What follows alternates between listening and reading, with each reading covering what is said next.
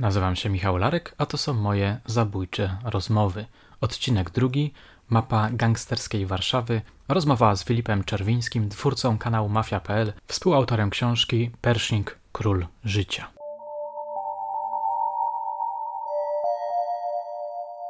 Za oficjalny początek istnienia grupy pruszkowskiej uznaje się dwa następujące po sobie wydarzenia, które jednocześnie były pierwszymi aktami gangsterskich porachunków III RP. Pierwsze z nich miało miejsce 29 maja 1990 roku w okolicy miejscowości Siestrzeń i było wynikiem konfliktu bandy z Pruszkowa ze złodziejem samochodowym Bogdanem G małolatem. Prowodyrem zajścia i jednocześnie przedstawicielem strony pruszkowskiej był w tym zdarzeniu Wojciech K. Kiełbasa, który, aby wyjaśnić sprawę, zorganizował pierwszą krwawą rozkminkę lat dziewięćdziesiątych. W ciepłe majowe popołudnie mężczyźni umówili się na ruchliwej o tej porze trasie katowickiej. Banda z Pruszkowa zjechała się kilkoma samochodami, które zatrzymały się na wysokości miejscowości Siestrzeń, nieopodal wjazdu na ulicę Żelechowską prowadzącą przez las do popularnego ówcześnie zajazdu MAK. Bogdan G., który przyjechał na miejsce Audi 100 w towarzystwie dwóch ruskich, został wzięty w kleszcze przez wozy pruszkowiaków. Towarzysze Małolata nie byli oczywiście przypadkowymi pasażerami. Najprawdopodobniej spodziewał się on dynamicznego przebiegu negocjacji i wziął ich jako swoich ochroniarzy. Nie przewidział jednak, że oponenci przyjadą w tak silnym składzie. Jedyną szansą na uratowanie skóry będzie ucieczka. Żeby powstrzymać taki rozwój wydarzeń, do Audi Małolata dosiadło się dwóch ludzi z Pruszkowa: Andrzej N. Słoń i Janusz S. Lulek.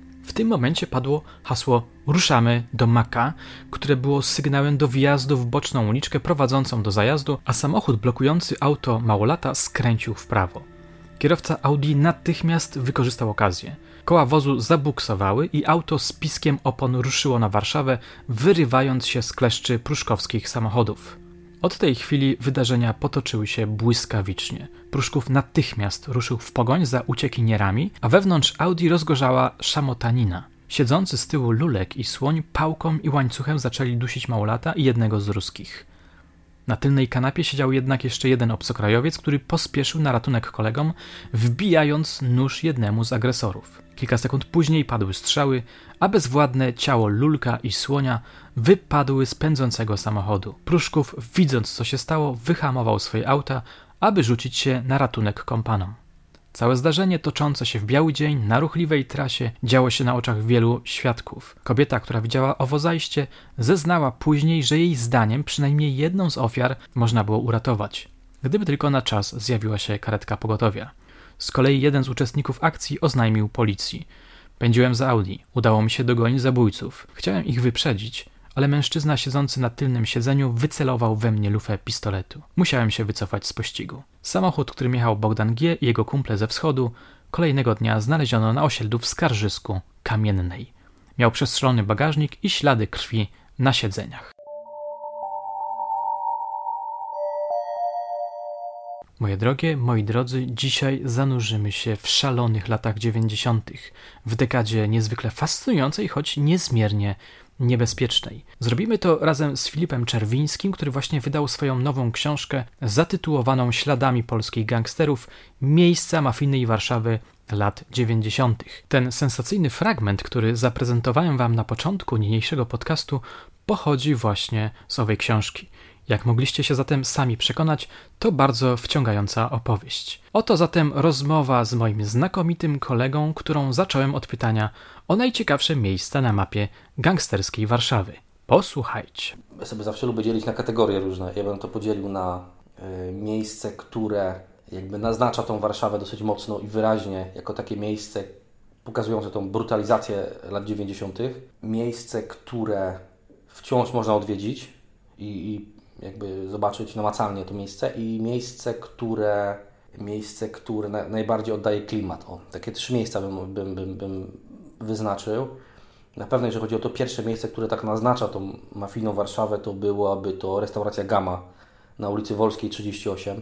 Miejsce znane właściwie wszystkim, tak. Największa masakra w historii e, tak zwanej polskiej mafii, czyli, czyli zabójstwo pięciu gangsterów z Łomina rozstrzelanych w środku dnia około godziny około godziny 13, raczących się pierogami, specjałem lokalu wpadło do środka kilku ich oponentów i po prostu zrobili jedną wielką, jeden wielki western, rozstrzelali ich, e, po czym zniknęli pędzącym srebrnym polonezem, który potem zresztą znaleziono spalony w, w lesie w Otwocku. Można sobie pod to miejsce podejść. Ten lokal istnieje, ja byłem tam latem. E, teraz był w remoncie, z tego co widziałem. Była tam restauracja, jak się nie mylę, indyjska o nazwie Kurkuma.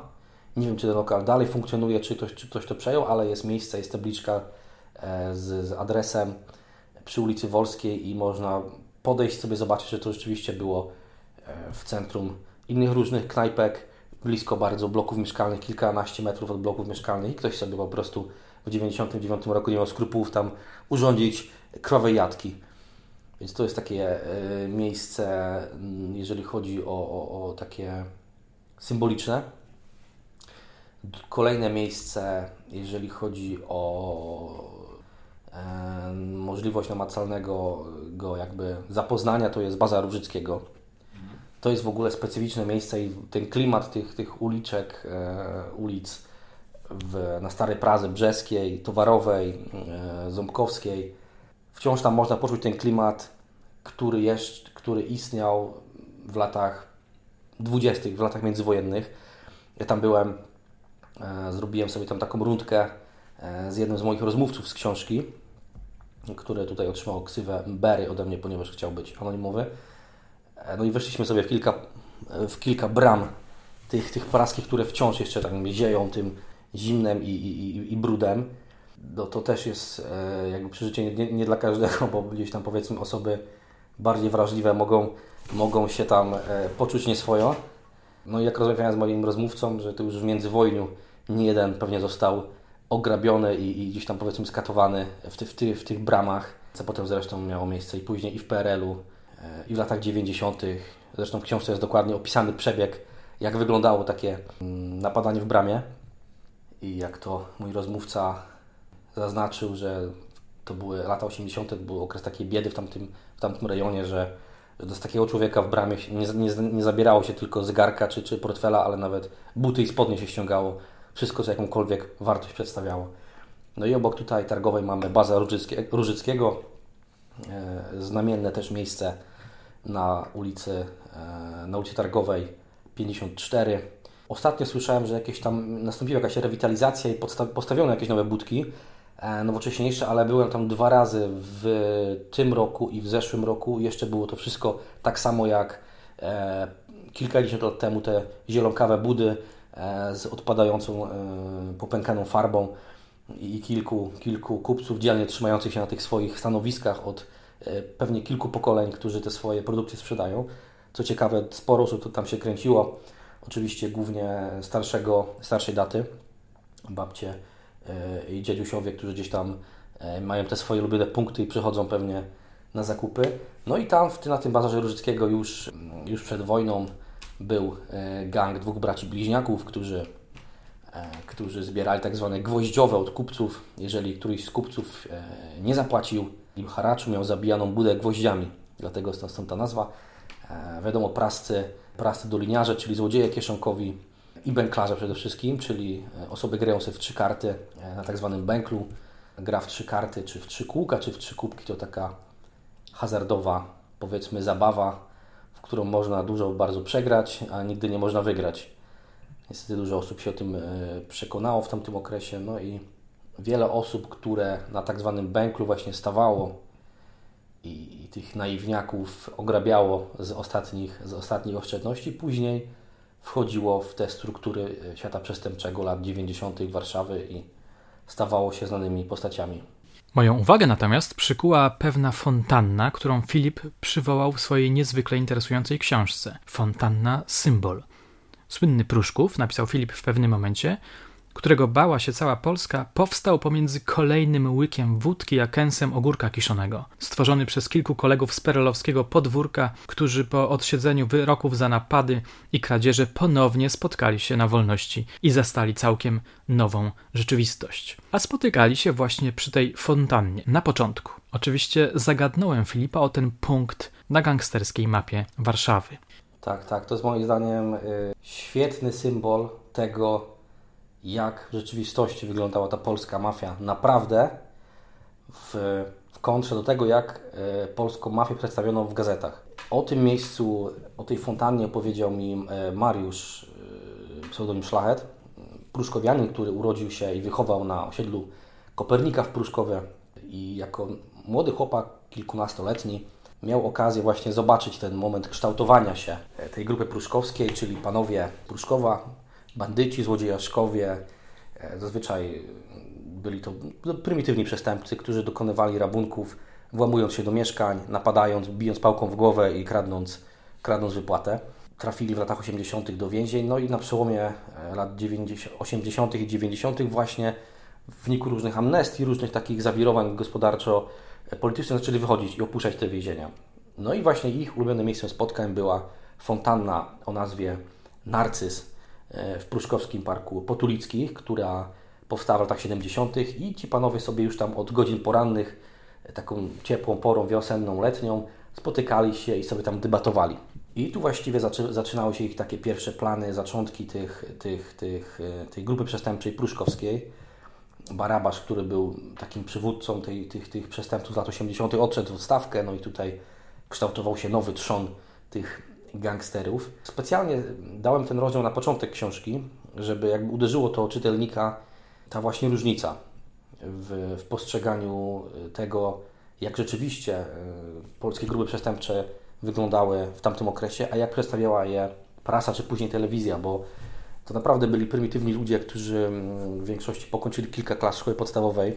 Prawdopodobnie mieli problem z pisaniem i czytaniem. E, gdzieś tam raczyli się, tak jak mi opowiadał Mariusz, konserwą prosto z puszki pod sklepem. Eee, tak, y, i, i, i butelką, i wódką z gwinta.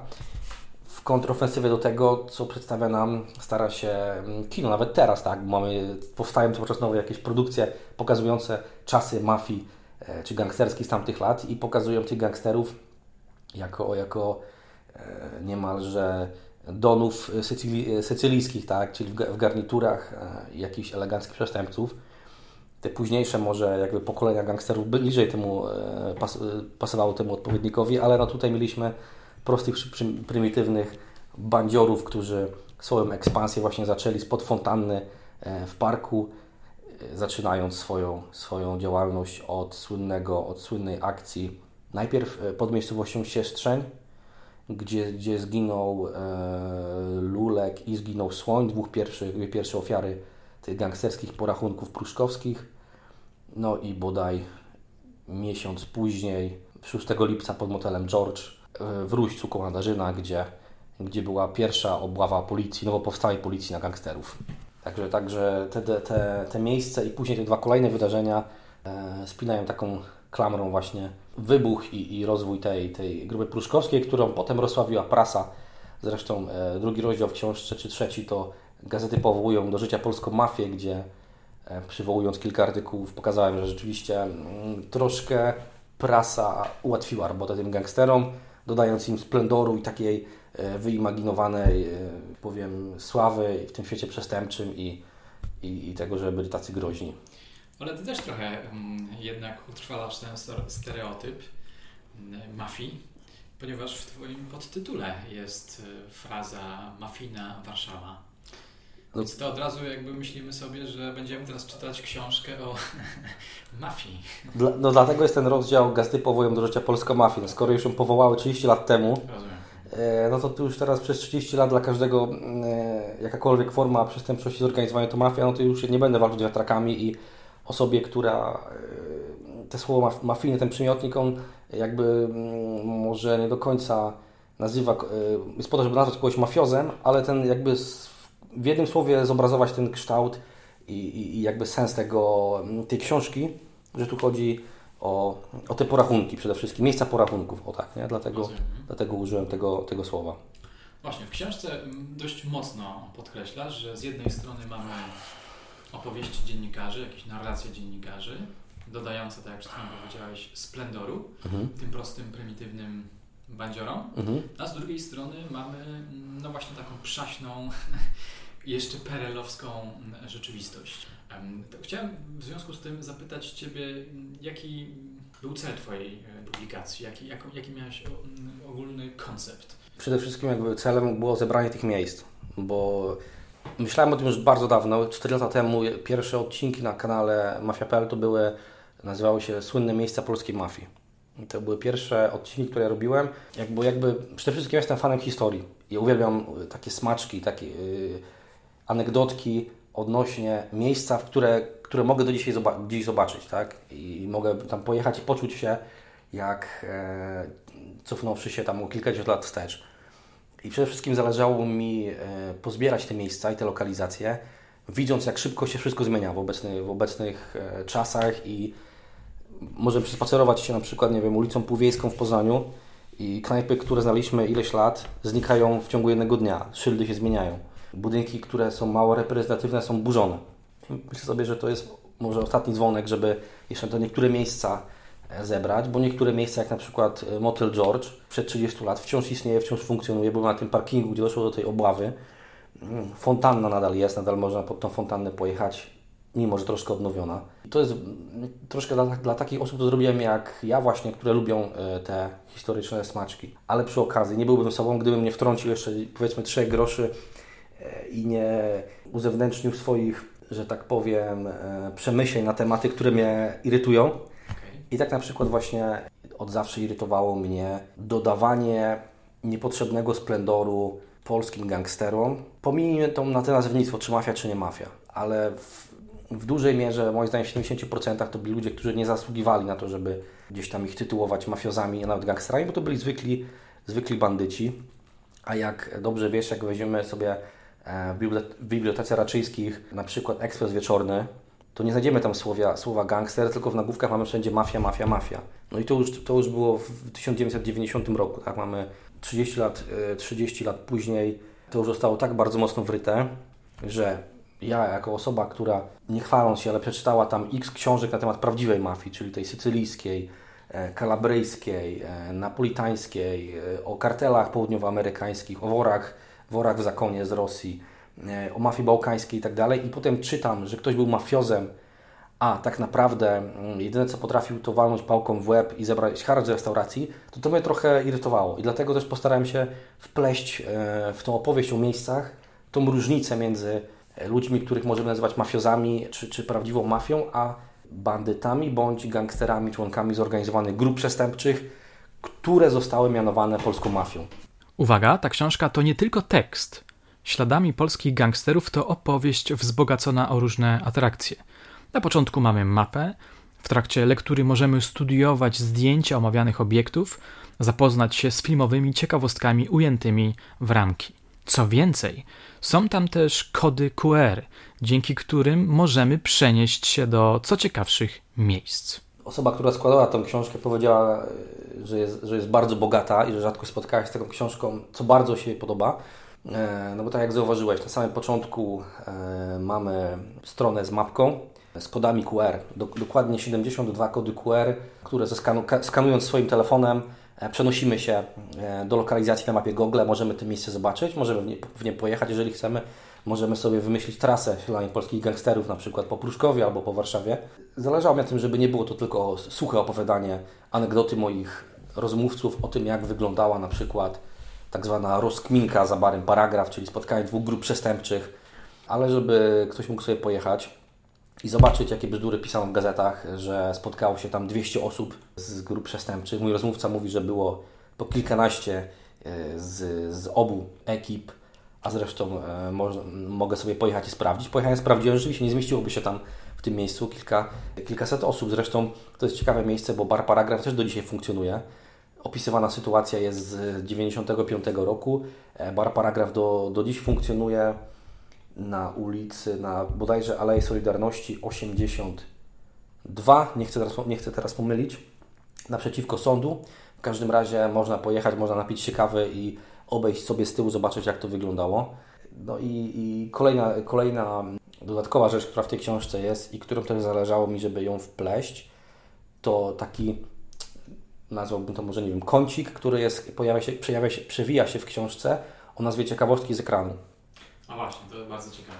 Czyli e, jeżeli mamy rozdział na przykład o Pruszkowie i on się kończy, mamy na dole ciekawostki z ekranu i są, e, w których wymieniłem filmy bądź seriale z podaniem dokładnych odcinków, które nawiązują konkretnie do danych postaci z tego gangu, czy, czy do konkretnych wydarzeń, tak żeby ktoś mógł sobie na przykład po przeczytaniu rozdziału odpalić film, na przykład Miasto Prywatne, czy film Tu stoję, który jest napisany na podstawie biografii Jerzego Jachowicza, dziennikarza Gazety Wyborczej, któremu podpalono mieszkanie za niewygodne artykuły podczas tego pożaru. Zginęła jego żona, a, a co ciekawe mieszkał e, Jerzy Jachowicz w, tej samej, w tym samym bloku, co właśnie Mariusz, który mnie oprowadzał po, po Pruszkowie, też dobrze tą historię pamiętał.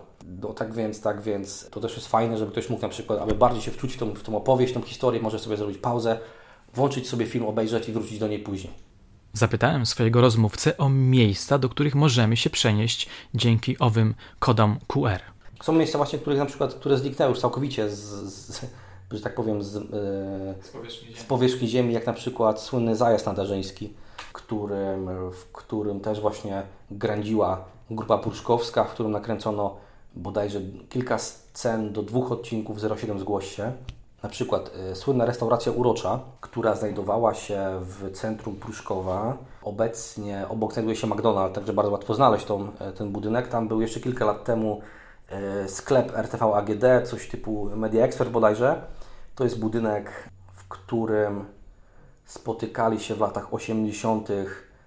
i milicjanci, i bandyci, którzy siadali jedni w jednym rogu sali, drudzy w drugim ale jak e, wypili, usłyszeli kilka flaszeczek gorzałki, to po prostu się mieszali między sobą i, i w tym Pruszkowie naprawdę musiało być, musiał być ciekawy ten lokal. Mm, ten budynek cały czas istnieje, można sobie go zobaczyć, to jeżeli chodzi o Pruszków.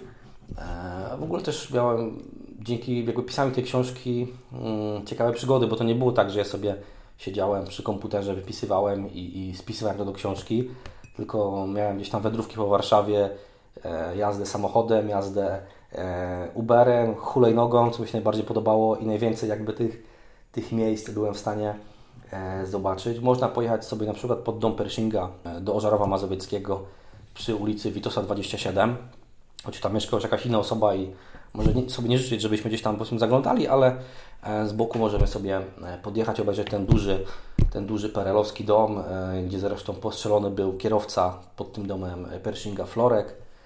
Możemy pojechać na cmentarz e, do Ołtarzewa, gdzie, e, gdzie jest grób właśnie Pershinga na prawo od głównej alejki, mniej więcej w połowie tego cmentarza.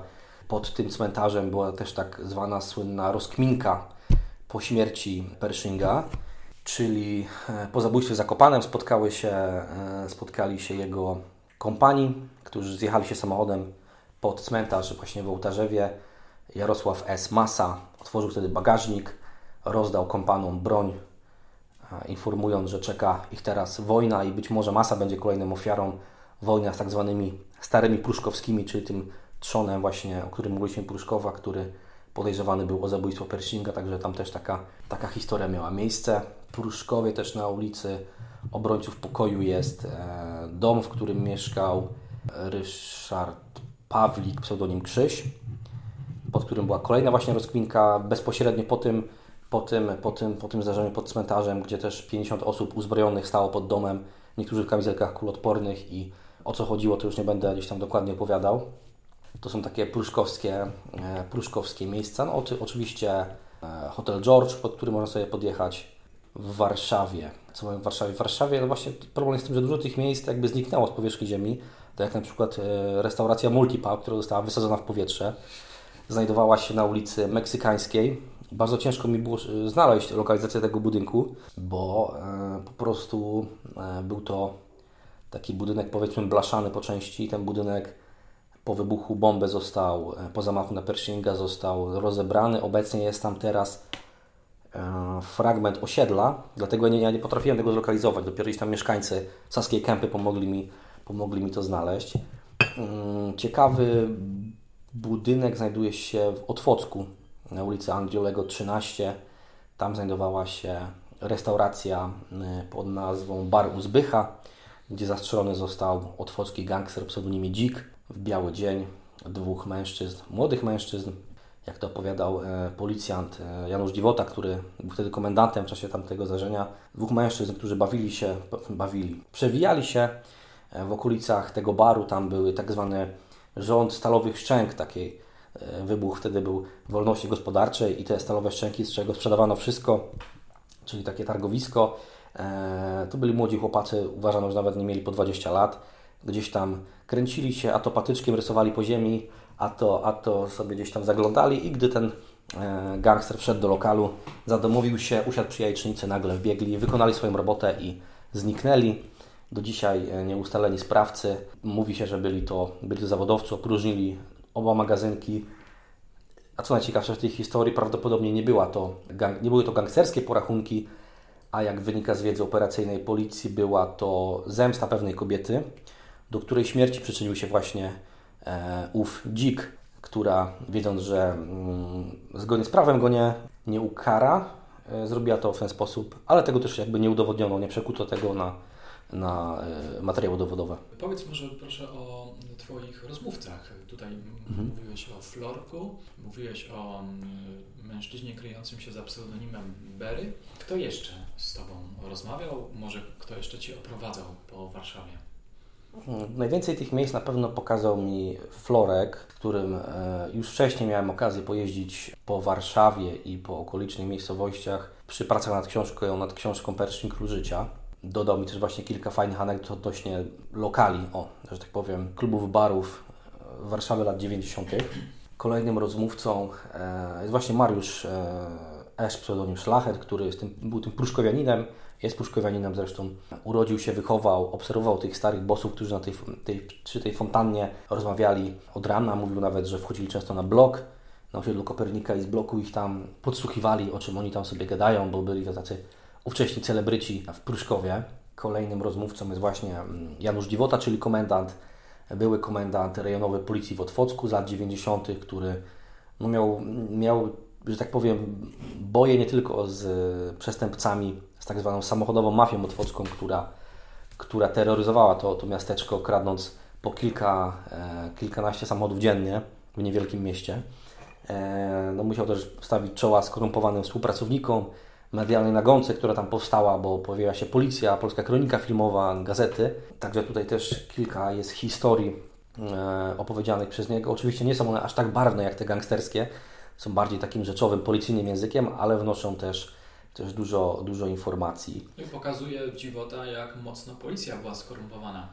Utkwił mi w głowie na przykład ten szczegół, jak pewien policjant zarekwirował samochód i później w wyniku różnych mętnych operacji kupił go sobie za małe pieniądze. Właściwie on go nawet nie kupił, tylko on po prostu go y, za, zabezpieczył i przerejestrował na siebie, no tak. mówiąc krótko. Więc to jest też zabawne, że dzisiaj jest to nie, nie do pomyślenia sytuacja, żeby policjant pojechał, bo dostaje telefon, że samochód stoi sobie gdzieś tam prawdopodobnie kradziony i on sobie go przerejestrował i, i używał, tak?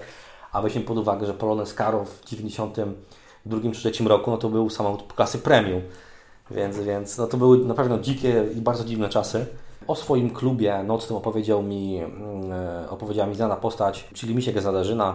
E, on opowiedział mi o swoim klubie o nazwie Parnas, który znajdował się w Nadarzynie. Funkcjonował bodajże przez 5 lat i był to jeden, jedyny właściwie taki wtedy lokal w tamtym miasteczku. Ciekawym bardzo rozmówcą jest raper, muzyk, artysta, który jakby współtworzył kulturę hip-hopową na początku lat 90., czyli Marcin Karamba. Marcin Karamba Kitliński otrzymał od Henryka N. znanego dziadem, czyli e, bossa grupy ząbkowskiej.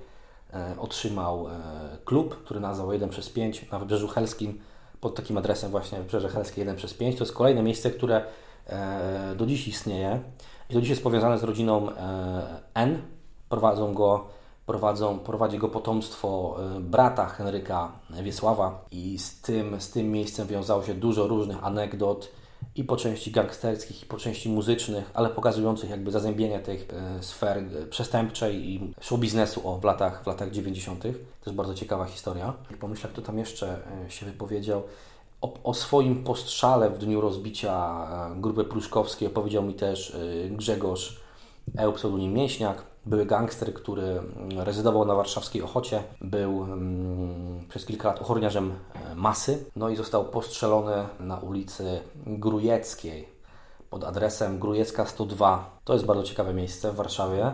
jeżeli się udamy e, i przejdziemy za pawilon e, na ulicy Grujeckiej, znajdziemy do dziś bodajże 8 dziur po kulach na ścianie, które posłał w jego kierunku zamaskowany morderca z, z broni, to był Glauberyt, czyli z broni automatycznej, taką typu Uzi. Mięśniak wtedy przeżył, został dosyć poważnie ranny.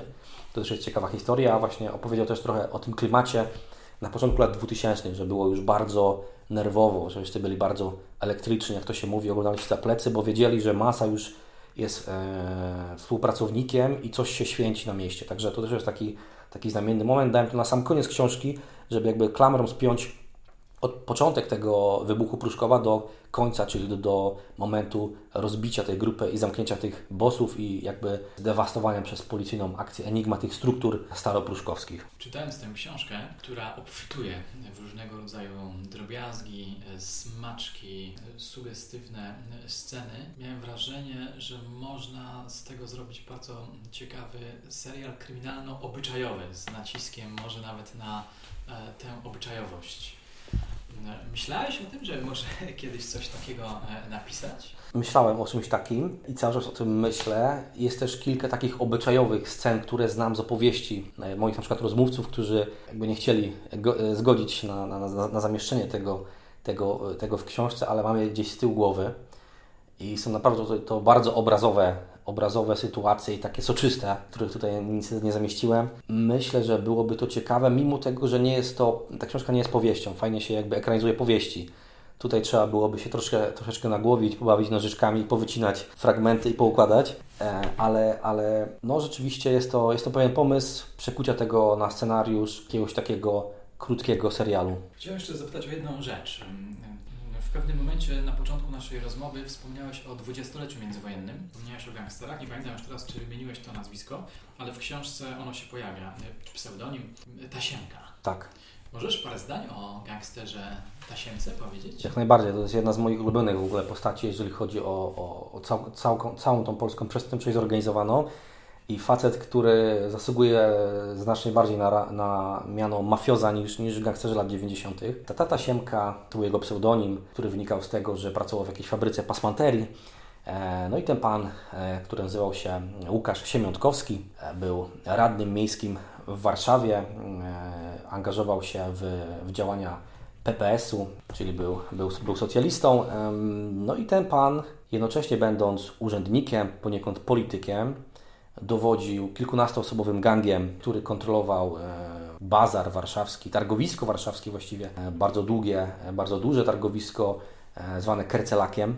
No i tam miał swoją, swoją grupę ludzi od mokrej roboty, którą dowodził Leon Karpiński, zwany Pantaleonem, który gdzieś tam kolbą rewolweru i kastetem tych kupców na bazarze przywoływał do porządku i nakazywał oddawanie pieniędzy, czy przekazywanie pieniędzy haraczu tasiemce. To zresztą teraz e, w serialu Król możemy obejrzeć na Kanal Plus, tak? To tam nawet dosyć obrazowo zostało to pokazane, bo Kum Kaplica, główny bohater e, tego serialu przecież jest inspirowany właśnie tatą tasiemką i wizualnie główny bohater przypomina go niemal jeden do jednego. Kolejna postać doktor Łokietek, czyli, czyli serialowy Radziwiłek, grany przez Szyca, też nawiązuje do, do prawdziwej postaci właśnie doktora Łokietka, psychopatycznego, jednocześnie wykształconego mm, gangstera, człowieka, który miał doktorat z chemii, a jednocześnie był, był bandytą, przestępcą, gangsterem, e, handlującym narkotykami. Także to, to bardzo ciekawe postaci i ta, ta Warszawa lat 20., 30. Mm, naprawdę ma potencjał na, na, na świetne takie dzieło powiedzmy filmowe. Zasługuje na powiedzmy dobry film o tamtych czasach, bo coś tam się pojawia pojawiało kiedyś, e, czy, czy mamy teraz właśnie tego króla, ale, ale brakuje mi czegoś takiego, bo mamy przecież książki. E, poza królem, na przykład książka Mroza jest Świt, który nie nadejdzie. Również nawiązujący właśnie też do tego podziemia kryminalnego lat 20., 30. Świetny okres na, na jakby zahaczenie się w nim i, i opowiedzenie tej historii przestępczości zorganizowanej w tamtym czasie.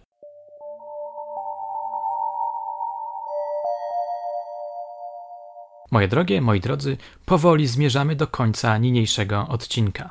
Mam nadzieję, że rozmowa zaintrygowała Was i że nabraliście ochoty na kupno i lekturę książki mojego gościa. Śladami polskich gangsterów Miejsca mafijnej Warszawy lat 90.